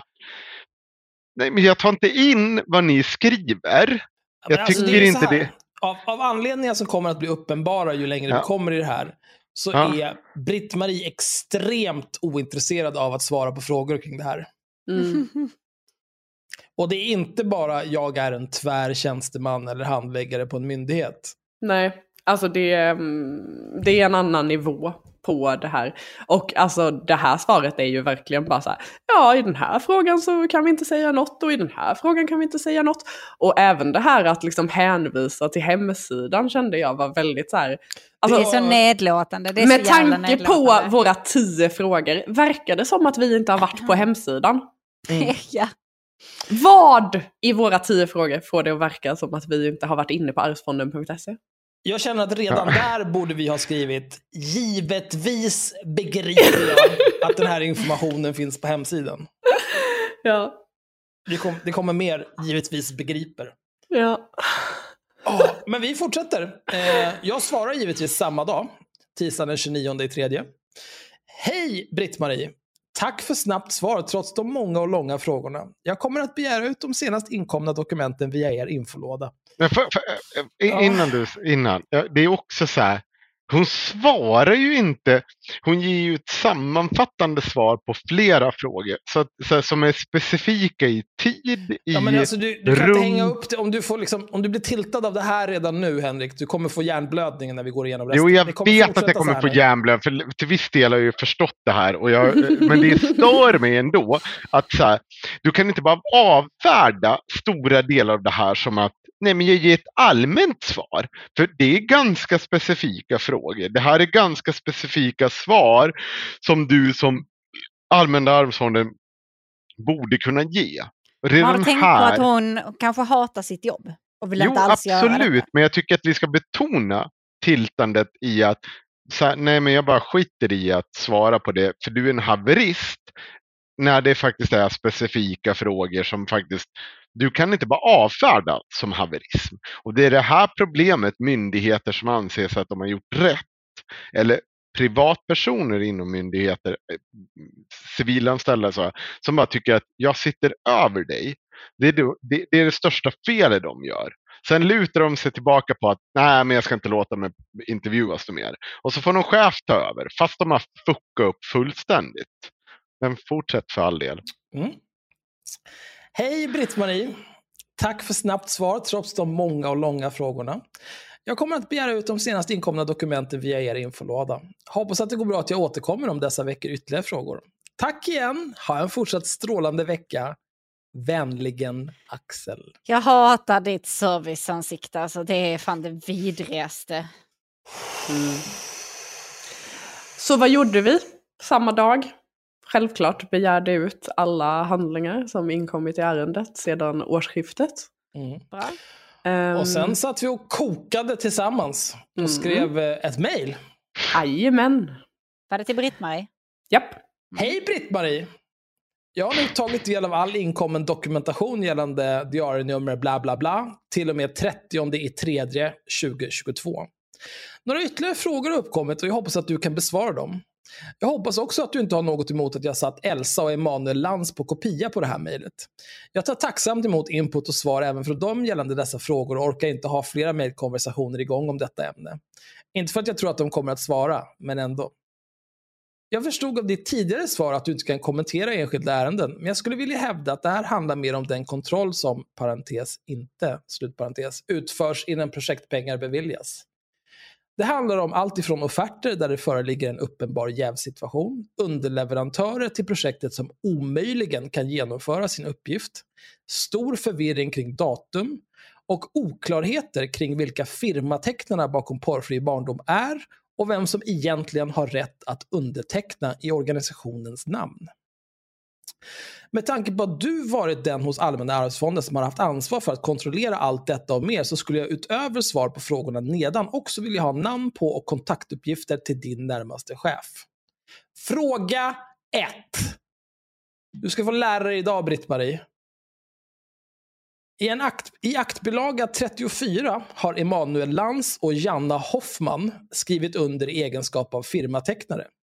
Vad jag kan se så finns det inget i den dokumentation jag har fått av er som styrker att Janna Hoffman faktiskt är firmatecknare för porrfri barndom. Det jag kan hitta är följande. I protokollet för konstituerande möte, daterat 21 mars 2018, står det att läsa att Emanuel Lantz och Karl Rodling valdes till firmatecknare. Det här är då alltså när de drar igång porrfri barndom. Mm. Ja. I ett styrelsemötesprotokoll daterat 8 augusti 2020 utses Emanuel Lantz till ensam firmatecknare. I protokoll för det senaste årsmötet daterat 9 mars 2022 där Emanuel Lantz och Anna-Sara Lundgren utses till firmatecknare. Är Janna Hoffman idag, eller har hon tidigare varit firmatecknare för porrfri barndom? Om ja, hur vet du det? Det är också anmärkningsvärt att ansökan undertecknas endast av Emanuel Lantz, vilket han täcker upp för genom att signera två gånger. Detta är daterat 19 augusti 2021 och inkommer till er 24 augusti 2021. Älskar, det är så många så här, du vet, firm, ehm, föreningsmänniskor, Sanna, ja. som kommer bara, nej inte du Sanna, den andra Sanna, som sitter och bara, åh gud, äh, nu tar jag på snoppen. Nu tar jag på snoppen. Nu är det ta på snoppen för att det här gillar jag. Vi, sitt, vi satt ju alla och tog på snoppen förra gången när vi tog upp att Emanuel hade skrivit under två gånger. Jag vet, Ja. men jag, jag tänker fortfarande ex exkludera Axel för han har aldrig varit inne i den här miljön på det sättet som vi andra har varit. Så jag tänker, Men han har blivit väldigt invigd han har blivit det, jag jag förstår det. säga. Jag, köper, jag vill inte prata över Alltså, Axels min huvud. del- Jag älskar dig Axel, men Nej, nej, alltså för min del så är det inte här någon så här, För min del är det här bara blod och undergång. Det är någon som har liksom, någon har begått mig en oförrätt genom att inte svara på mina helt legitima frågor. Och dessutom utmana mig i någon slags, vem kan vara den största jävla fittan? Du, ingen är större fitta än jag. Nej, det behöver vi inte börja Nej. med faktiskt. Komma här och tro att du kan utfitta mig. Icke. eh, utkuka. Kränk dig i ena kön. Tack Henrik. Jag tycker ni beter er jävligt illa. Mm. Det är också anmärkningsvärt att ansökan undertecknades endast av Emanuel Lantz, vilket han täcker upp för genom att signera två gånger. Detta är daterat 19 augusti 2021 och inkommer till er 24 augusti 2021. Det verkar dessutom som att Emanuel Lantz och Janna Hoffman träffades och signerade ytterligare en version daterad 20 augusti 2021. Den är dock inte inkommen till er förrän 24 mars 2022. Sju månader senare. Normalt. Mm. Just detta är i mina ögon ett extremt suspekt händelseförlopp. Om inte du Förlopp. eller makarna... Förlopp. Om inte du eller makarna Lantz kan förklara hur detta har gått till så känner jag mig nödgad att göra en polisanmälan gällande osant intygande. Den kommer vi också återkomma till. Mm. Jävla hoten kommer fram direkt här. Ja, nej, men jag tar inte den här skiten. Nej, nej, men det är bra, det är bra. Fråga två. Kristoffer Östlund från Dagens ETC ställde, precis som jag, en fråga gällande jäv vad gäller Emanuels Lands dubbla roller som managing partner på webbyrån Okto och ordförande för por- organisationen Porrfri barndom. Eh, Emanuel Lantz är även styrelseledamot för Okto. Eh, då den senare accepterat en offert på plattformsutveckling av den förra. Av mejlkorrespondens dig och honom emellan framkommer att detta tagits upp av dig med hänvisning till aktbilaga 26, som är en tjänsteanteckning daterad 3 november 2021. Den här, det här är det bästa. Mm. Denna datering står dock i tjänsteanteckningens brödtext och får antas syfta på när detta möte ska ha skett. Enligt sidhuvudet förefaller dock tjänsteanteckningen vara skapad flera månader senare, nämligen 14 februari 2022. Nej, vad pinsamt! Nu kommer det. Cirka klockan 10.11. Cirka, jag tog inte med sekunderna där, men 10, 11, 49. ingen stor grej. De har alltså inte... Åh nej. Det här är så inga nya knogjärn nu när Ah. det står 10, 11, 49. Nej, okej. Nej, det är bra. Nej. Klockslaget är viktigt här eftersom denna tjänsteanteckning drygt 45 minuter senare skickas vidare till Kristoffer Röstlund som del i svar på hans fråga om varför det helt saknas dokumentation kring att en jävsituation förelegat. Get wrecked. Vad jag kan se av den dokumentation vi tidigare tagit del av så mottog du 3 november 2021 ett mejl, parentes aktbilaga 6, slutparentes, från Katarina Bratt där hon verkar svara på frågor som ställts vid ett tidigare möte under dagen. I dessa kompletterande svar nämns varken jäv eller okto. Däremot bifogas en uppdaterad budget där bilaga 3, parentes, den som kommer från Okto, alltså offerten från Okto på plattformsutveckling, slutparentes, fortfarande benämns som aktuell accepterad offert gällande plattformsutvecklingen. Om man bara tar en, ta ett moment här. Ja, det är extremt snyggt av er. Det där är, ehm, ja, Nej, äh, inte- Vänta bara till kommer frågan kommer. Nu kommer det. Givet att detta mejl ankom din mailbox 1645, att det inte nämner varken jäv eller okto, samt att det refererar till oktos offert som aktuell. När menar du att diskussionen om jäv ska ha skett den 3 november 2021? Med vem eller vilka förde du denna diskussion? Tar du ur det där ur din jävel? Jag funderar på ifall vi bara ska läsa upp tjänsteanteckningen. Ja, det kan vi göra. Den är ju bara skit. Ja, precis. Ja, Men eh, vi kan läsa den. Jag läser den nu. Ja, Jag har den. nu. Kör, go. Tjänsteanteckning. Eh, och då står det liksom, precis som Axel just sa, i brödtexten. Tjänsteanteckning 2021 11 03. Möte. men det här är alltså det, skapat mycket senare, dokumentet. Ja. Eh, det är skapat 2022 02 14 10 11 49. Mm. Ja, vänta, så inte, inte bara att de har liksom fulhaxat igen ett dokument som ska tyda på det här. Hon har också, Britt-Marie, har alltså fuskat ihop en Detta är tjänsteanteckning. Britt-Maries tjänsteanteckning. Mm. Åh herregud, okej. Och det Ja. står Nej, "Mö- vänta. Möte med organisationen inför kompletteringar. Under mötet tog organisationen upp frågan om jäv då ordföranden även sitter i styrelsen för det bolag man vill använda för uppbyggandet av plattformen. Stanna där. Handläggaren... Stanna, stanna. Så att de menar att organisationen, att de tog upp Ja, det. ja. Yes, Porrfri det står väldigt tydligt. Mm. Under mötet tog organisationen upp frågan om jäv. Mm. Handläggaren svarade att det inte är tillåtet varvid organisationen skulle gå vidare med de andra två som lämnat in offert. Mm. Britt-Marie efternamn. Ja. Men Alltså, det här är, An- anledningen, till också- att hon, anledningen till att hon har skrivit, eh, jag kan säga direkt så här, det här har inte hänt. Det här har absolut Nej, nej. inte hänt. Men anledningen till att hon skriver, organisationen tar upp det här, det är för att enligt deras generella villkor och regler för de här ansökningarna så måste den som, den organisation som ansöker om pengar måste informera Allmänna arvsfonden om en eventuell jävsituation föreligger. Mm. Så anledningen till att hon skriver att organisationen tog upp det här, det är för att då har alla played by the book. In- liksom. Jo, fast, och, och man kan ju också säga så här. Ingenting i övrigt i porrfri barndomsagerande tyder på att någon har varit eh, tydliga med någon typ av jävs eller andra Alltså, typer av Vi kommer förefallande till det. konst. Men Ja. det, det, enda, det enda i exakt all dokumentation som finns i det här som styrker att den här jävsituationen överhuvudtaget har tagit upp, det är den här eh, tjänsteanteckningen som är skriven i mitten av februari enbart för att Kristoffer Östlund på dagens ETC explicit har efterfrågat dokumentation gällande jävsituationen. Och så efterdaterar hon den till 3 november 2021. Alltså jag fick sån jävla rövsvett nu. Det här är... Det är väldigt, Wow. alltså det, jag, jag, jag, tror, jag förstår inte varför Kristoffer Röstlund har missat att följa upp och attackera det här. Det får ju han stå sitt kast, jag vet inte. Men eh, jag vet inte, det kanske är för att vi, haveristerna, har superkontakter som Sanna Vanno och resten av hennes gäng som kan en hel del skit. Vi är ganska duktiga på det vi gör. Man är ju inte korrespondent för intet. Nej, det är sant. Men de har alltså efterdaterat ett dokument.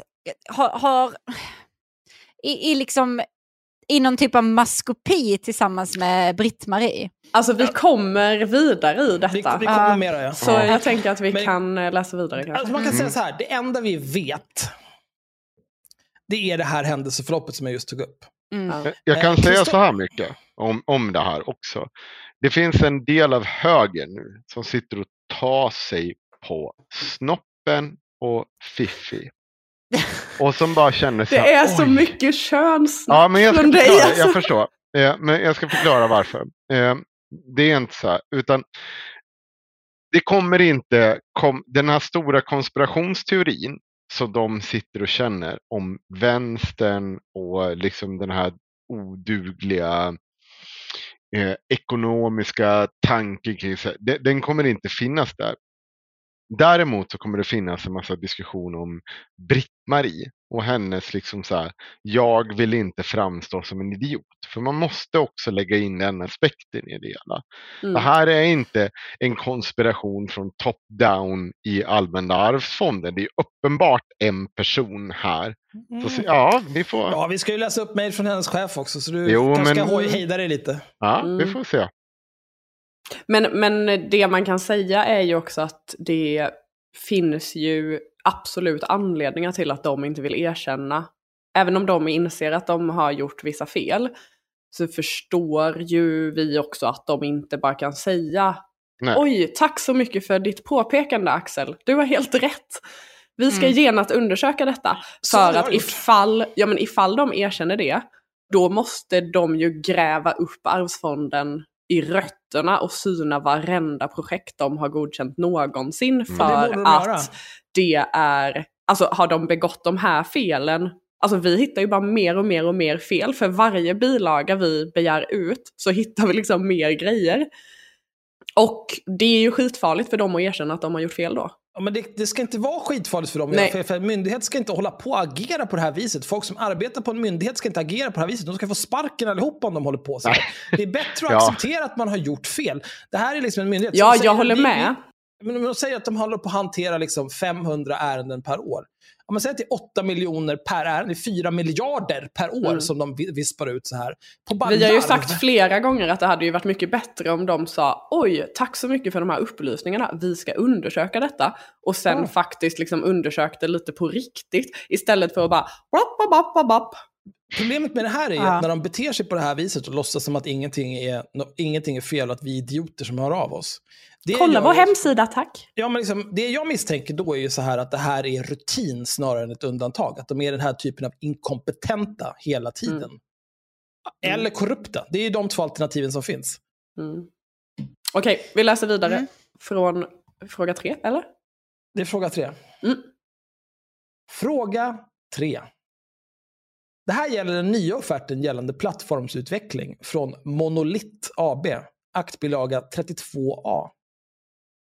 Jag har mångårig erfarenhet från IT-branschen och jag finner det extremt osannolikt att det skulle ta ett företag över tre månader att lämna en offert på något så enkelt och standardiserat som en hemsida. Offerten saknar också flera saker som en seriös aktör skulle inkludera, till exempel organisationsnummer och signatur från den som tagit fram offerten eller ansvarig säljare. Baserat på detta har Porrfri Barndom antingen väntat i över tre månader med att ta in ytterligare offerter eller väntat i över tre månader på att få svar från Monolith AB. Porrfri Barndom har heller inte gått vidare med de två offerter de fick tillsammans med offerten från Okto, något de enligt aktbilaga 26 skulle göra. Tittar man närmare på Monolith AB så hittar man en del intressant information. Monolith AB har bara en registrerad kod enligt svensk näringsgrensindelning. Den är 73111, reklambyråverksamhet. Och för de som inte vet, eh, svensk näringsgrensindelning, det handlar om hur mycket moms man ska betala. Haveristerna Media Group har till exempel någon skit, jag kommer inte ens ihåg vad det är. Men det har med liksom, ja vi gör ljud och vi betalar 25% i moms. Men om vi till exempel var, eh, gör något annat, vi säljer böcker eller någonting, då är det typ 6% moms eller något. Mm. Ehm, och liksom, SNI-koder kan man lägga till och ta bort lite hur man vill. Men det är ju lite pikant att en reklambyrå ska ägna sig åt eh, eh, webbutveckling. Ännu mer blir det om man tittar på antalet anställda. Under 2019, 2020 och 2021 hade Monolith en AB endast, kan ni gissa hur många anställda? Tre. En. Oj. Enligt förutsättningarna ovan känns det osannolikt att Monolith AB ska kunna leverera enligt accepterad offert utan att ta in konsulter för i princip alla roller i uppdraget. Eller att helt sonika ta in en underleverantör som kan genomföra hela uppdraget. Instämmer du i min bedömning av Monolith AB som inkapabelt att utföra projektet enligt offert? Vad har eller kommer du att göra för att verifiera att Monolith AB inte lejer ut uppdraget till exempelvis Okto? Jag utgår ifrån att du är extra vaksam på jäv då du sedan tidigare missat att en jävsituation förelåg och behövde bli påmind av porrfri barndom om detta. Det kan ju också sägas att Monolith har exakt samma kostnad som Okto. Och vi ska... Oh, de här jävla offerterna, så fan vad arg jag blir. Mm. Fråga 4. I nyhetsbrevet utskickat av er den 16 december 2021 meddelades att Porrfri barndom beviljats pengar för att driva detta projekt. Det verkar dock, baserat på mängden kompletterande information som tillkommit i ärendet efter detta datum, datum som att ansökan var minst sagt bristfällig när detta beslut fattades. Är det vanligt förekommande att ni beviljar projektpengar och sedan får vänta i över tre månader på kompletterande information i den här omfattningen? Jag finner detta anmärkningsvärt, särskilt då det inte verkar som att varken du eller Porrfri barndom agerat proaktivt för att komplettera handlingarna. Istället verkar detta ha skett som en reaktion på haveristernas och ETCs granskningar av Porrfri barndom.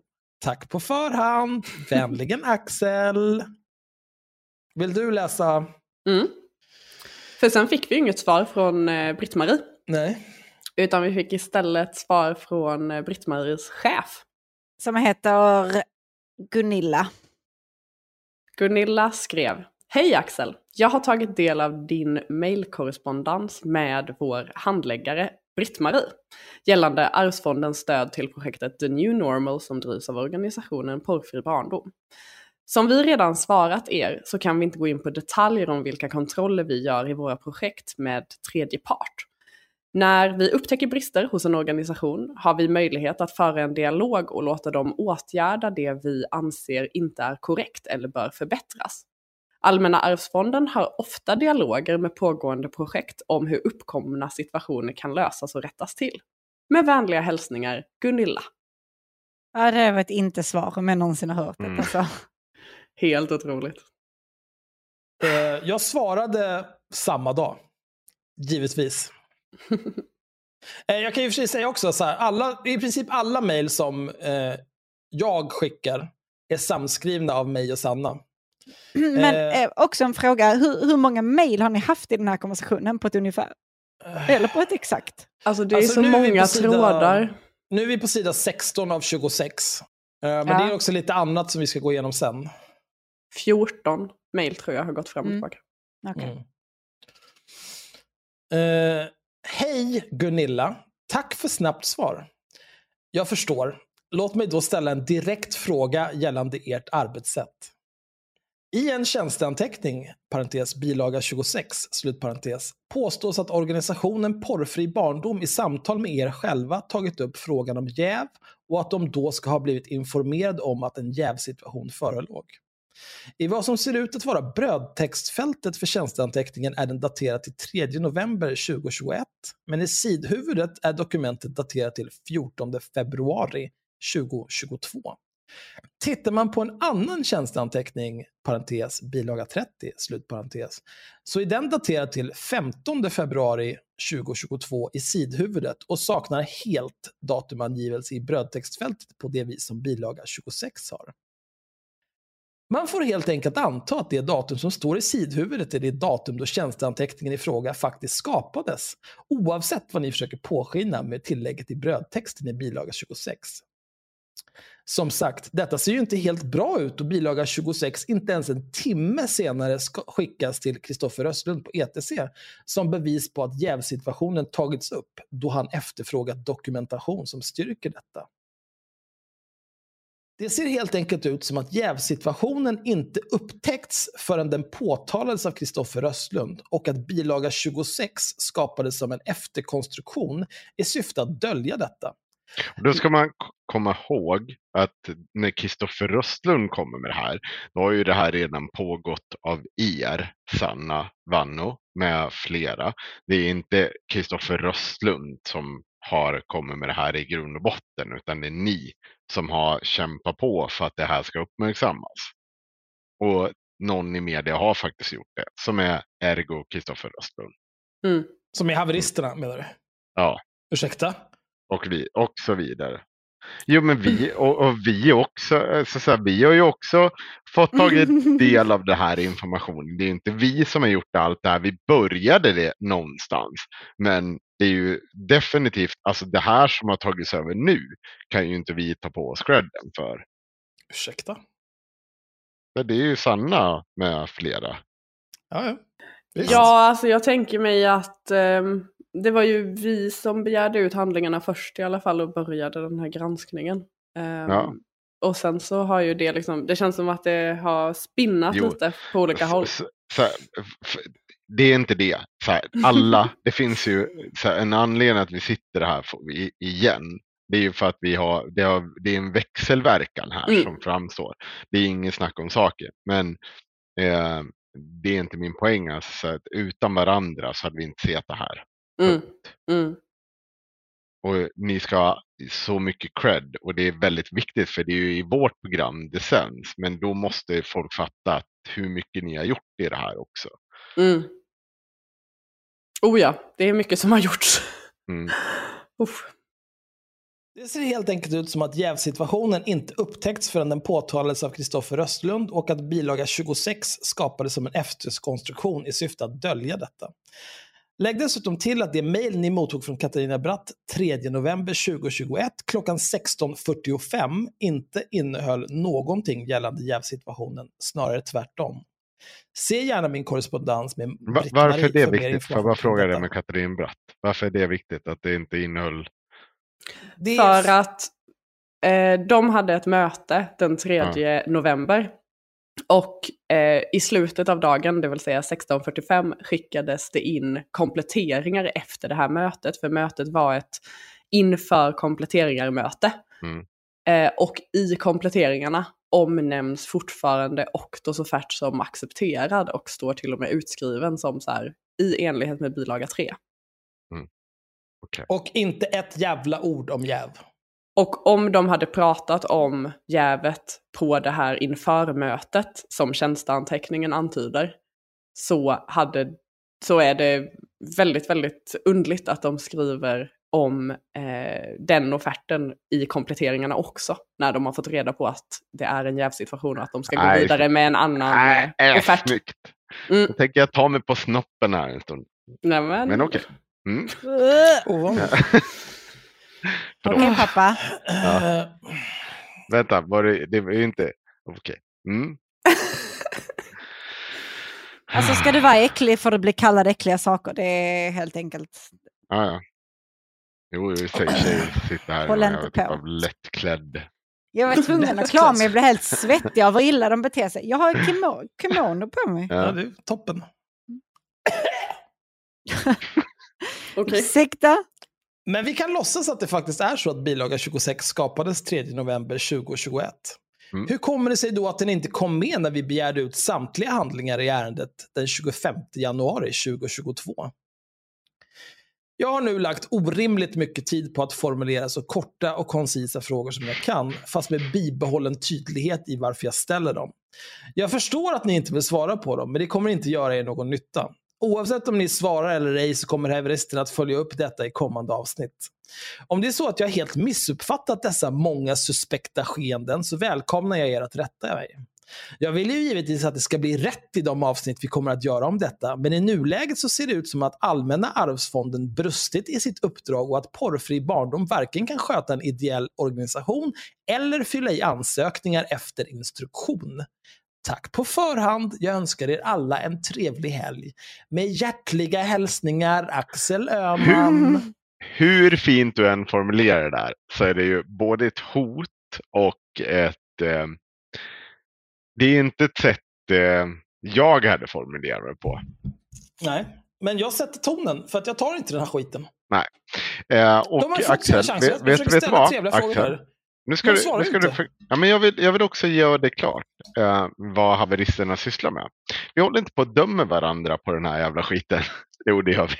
Men vi, vi, vi tar den skiten för att du har gjort ditt jävla jobb. Och hur du vill avsluta det, det är ditt jävla problem. Ja, jag kommer aldrig begära pengar av Arvsfonden. Jag skiter i Nej. utbränd där.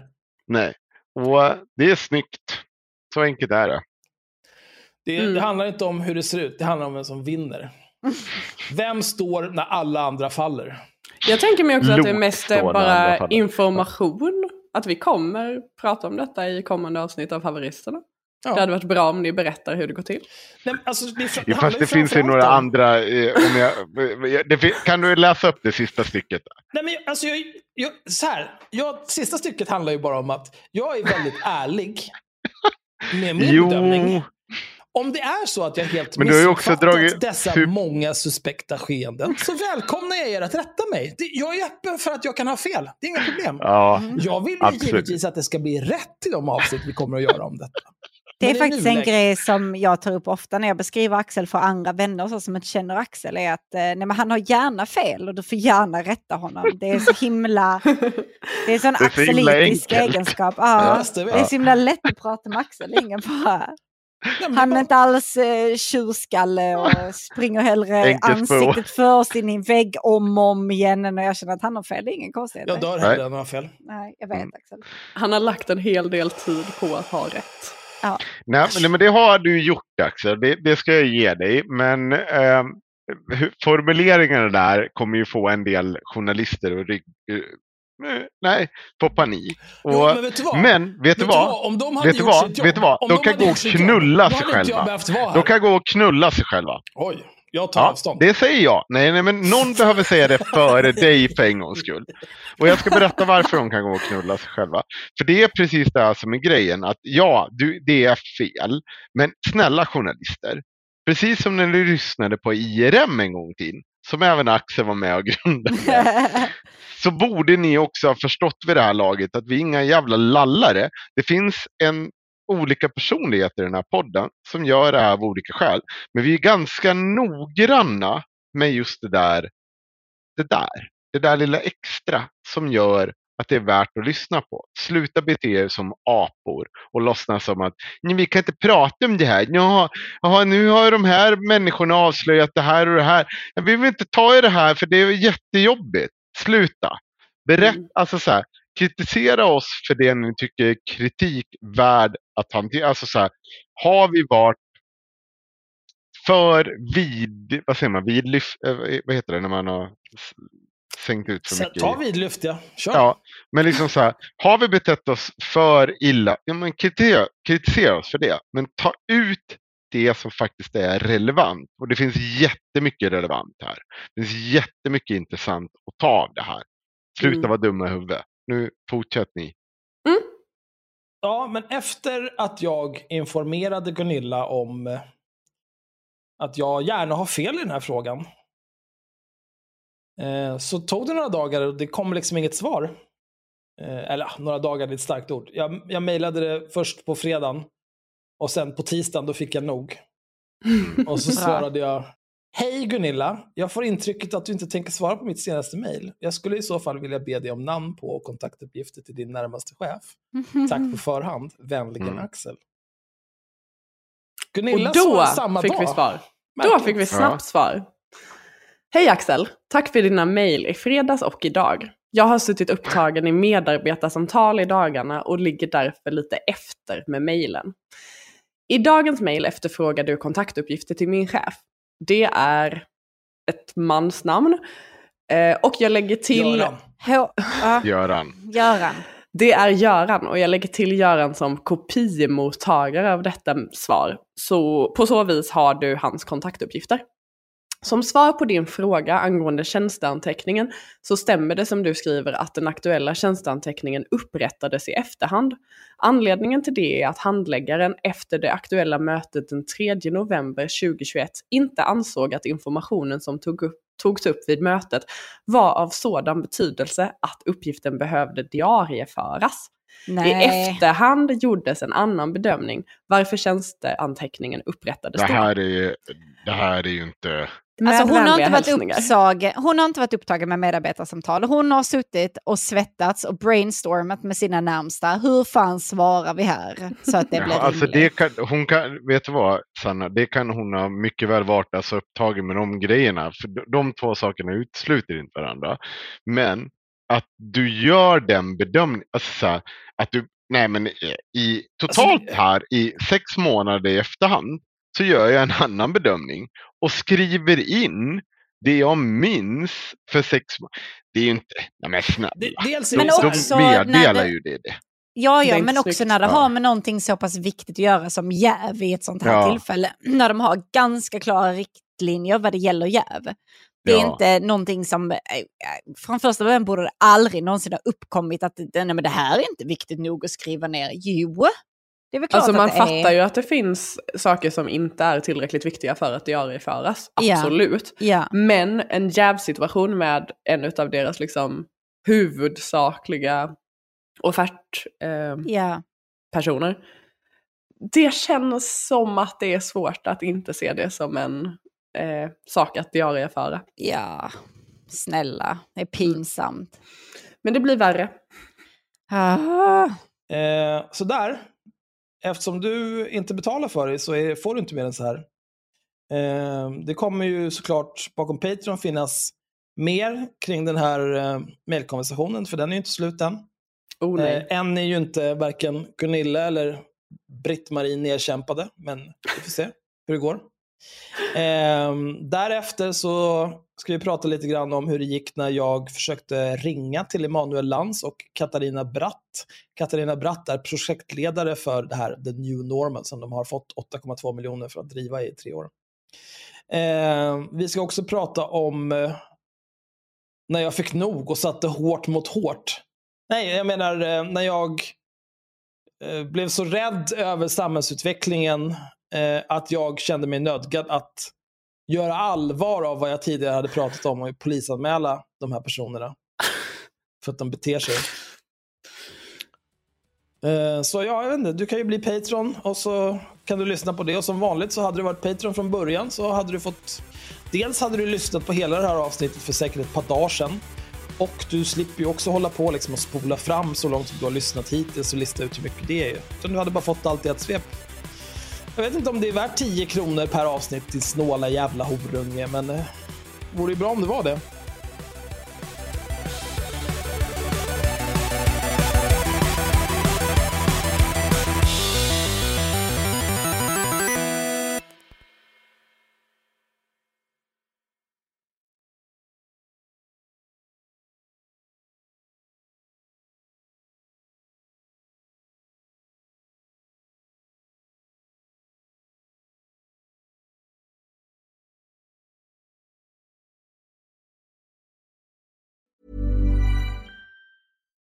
Here's a cool fact a crocodile can't stick out its tongue.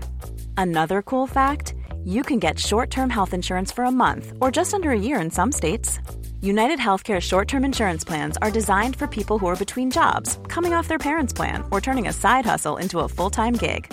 Underwritten by Golden Rule Insurance Company, they offer flexible, budget friendly coverage with access to a nationwide network of doctors and hospitals. Get more cool facts about United Healthcare short term plans at uh1.com. Hey, it's Danny Pellegrino from Everything Iconic. Ready to upgrade your style game without blowing your budget? Check out Quince. They've got all the good stuff shirts and polos, activewear, and fine leather goods, all at 50 to 80% less than other high end brands.